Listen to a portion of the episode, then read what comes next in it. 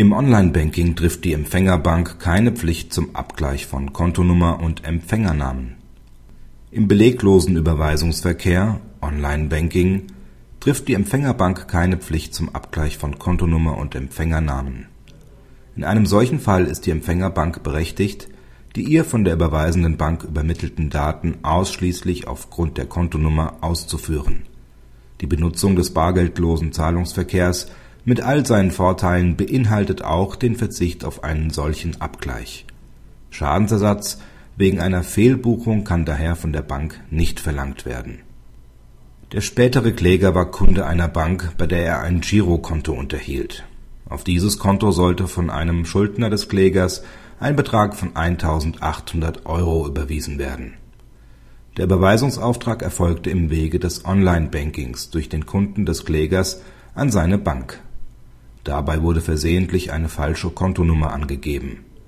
Diese Kontonummer existierte allerdings tatsächlich, weshalb die 1.800 Euro darauf gutgeschrieben wurden.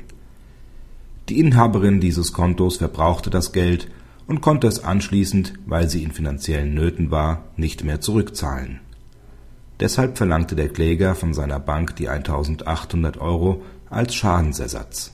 Er war der Ansicht die Bank sei verpflichtet gewesen, einen Abgleich zwischen angegebenem Empfänger und der übermittelten Kontonummer vorzunehmen und die Abweichung aufzuklären. Dann wäre es nicht zu einer Fehlüberweisung gekommen. Die Bank weigerte sich zu zahlen, deshalb wurde Klage beim Amtsgericht München erhoben. Die zuständige Richterin wies die Klage ab. Es läge seitens der Bank schon keine Pflichtverletzung vor. Unstreitig sei der Überweisungsauftrag im Wege des Online-Banking, also dem beleglosen Überweisungsverkehr, erteilt worden. Im beleglosen Überweisungsverkehr treffe die Empfängerbank keine Pflicht zum Abgleich zwischen Kontonummer und Empfängernamen. In einem solchen Fall sei die Empfängerbank berechtigt, die ihr von der überweisenden Bank übermittelten Daten ausschließlich aufgrund der Kontonummer auszuführen. Die Benutzung des bargeldlosen Zahlungsverkehrs mit all seinen Vorteilen beinhalte auch den Verzicht auf einen solchen Abgleich.